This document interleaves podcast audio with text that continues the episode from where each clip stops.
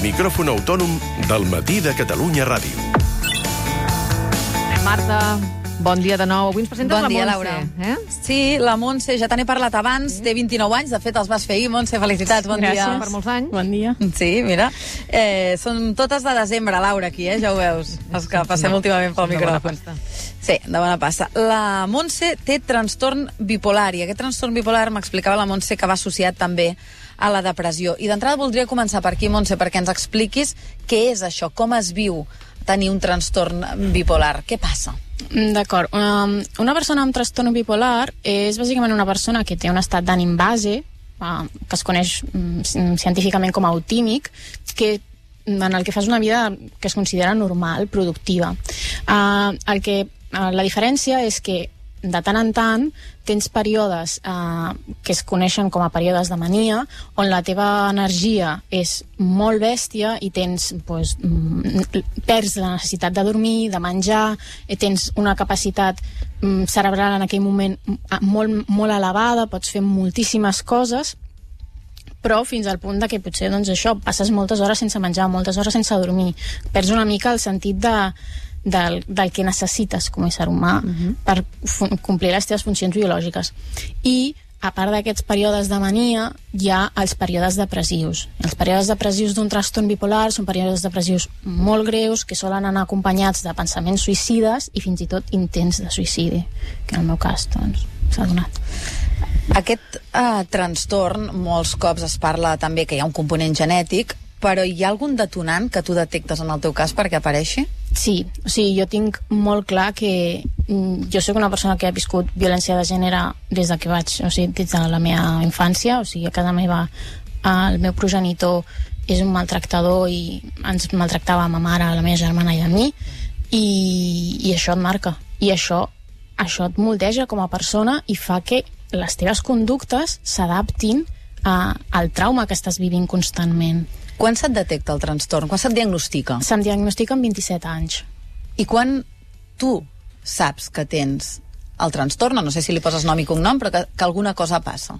Jo no li poso nom fins, als, fins que me'l diagnostiquen, perquè em diuen uh, a tu, a tu, tu tens períodes mm, de mania, tu tens períodes depressius? I jo dic sí. I quan em comencen a preguntar des de quan, jo, jo tinc memòria de tenir pensaments depressius i suïcides des dels 8 anys.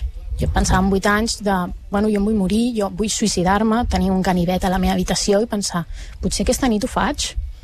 I també l'altra cara de tenir episodis on potser em passava dies sense dormir perquè havia descobert una sèrie de llibres doncs jo havia de llegir aquests llibres i no dormia i, anava, i feia la meva vida normal sense dormir, sense menjar i continuava amb la meva vida i després doncs tornava a un episodi a un estat d'ànim normal i això doncs tota la meva vida 8 anys.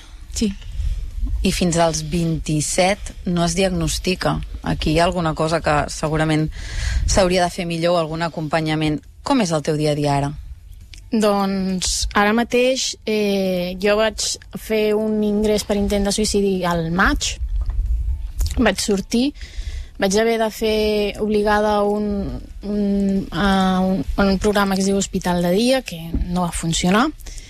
I després d'això vaig quedar una mica en el limbo perquè em van, em van derivar a una clínica especialitzada en TLP, que és trastorn de límit de la personalitat, ja que una de les psicòlogues del, del centre on estava considerava que jo en tenia, però a l'arribar vaig fer les entrevistes prèvies i em van dir que jo no complia els criteris per tenir TLP i per tant vaig quedar doncs, a- absolutament al limbo on, bueno, doncs, pues, aquí, no, aquí no hi toques s'acabó. I jo vaig haver de- de- d'exigir que se'm tornés a derivar a CESMA que és la salut mental pública ambulatòria i tinc visita vaig tenir visita fa 15 dies amb la psiquiatra i en torno a tenir al març. Ah, Montse, bon dia. bon dia. Aquest cap de setmana, que és la, la marató de la salut mental, i una de les coses que Sí. més estem repetint és com costa eh, parlar de la salut mental i reconèixer eh, que ens afecta a tots i que tots tenim en algun moment eh, un problema o un altre de, de salut mental. Tu què diries a la gent que encara ho té com un tema tabú? O sigui, aviam, jo crec que l'important és trobar qui t'escolti i escoltar.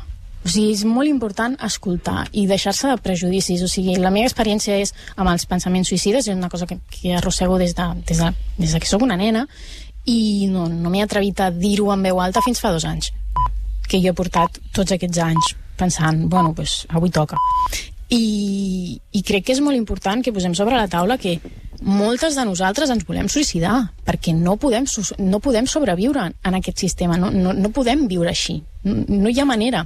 I la solució que ens donen de demanar ajuda o prendre les pastilles no és una solució. Això l'únic que fa és cronificar aquest dolor és demana ajuda. I puc fer una llista infinita de totes les males praxis que he rebut en un any.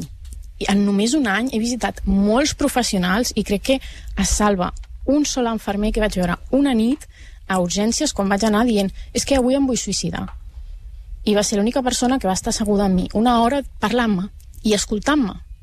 I això és el principal, escoltar les persones. Vull dir, uh, una cosa que es fa molta angúnia sent una persona que veus això en primera persona, és veure com aquests dies proliferen els discursos de hem de parlar de salut mental, hem de posar la vida al centre, però és que moltes de nosaltres tenim un grup d'amics i aquest grup d'amics no vol escoltar això. Aquest grup d'amics no té ganes de, de, de sentir que estàs a la merda, és que no tens ganes de viure. No. I és molt difícil assumir això, i és molt difícil parlar-ho. Doncs tu ho has fet, ho has fet molt bé i nosaltres t'hem escoltat i t'escoltaríem molta més estona i ens quedem amb aquest missatge, que sobretot teniu ganes de ser escoltats i amb tranquil·litat. I per tant això també el sistema de salut ha de tenir temps per permetre-ho i més professionals. Recursos, uh, sobretot. Exacte, i recursos uh, per, per ajudar. I en el cas de la Montse, a més a més, ara no hem tingut temps de tractar-ho, però aquí també hi ha uh, un tema de que el, el trastorn fa que sigui complicada uh, l'inserció també a la vida laboral, uh, està estudiant i també ha d'anar a un altre ritme per, per uh, la concentració, i, i per tant aquí també hi ha un problema econòmic que s'ha d'ajudar ah. també a la gent eh, que pateix un trastorn mental. Afecta el conjunt de, de la vida de, de les persones. Doncs, uh, Montse, moltíssimes gràcies per uh, explicar-nos uh, el teu cas, per deixar que t'escoltem i fer que molta gent uh, t'escolti, tant de bo sigui molta més. Montse, una abraçada ben forta. Merci. Gràcies, Marta Carreras. Fins després. Fins després.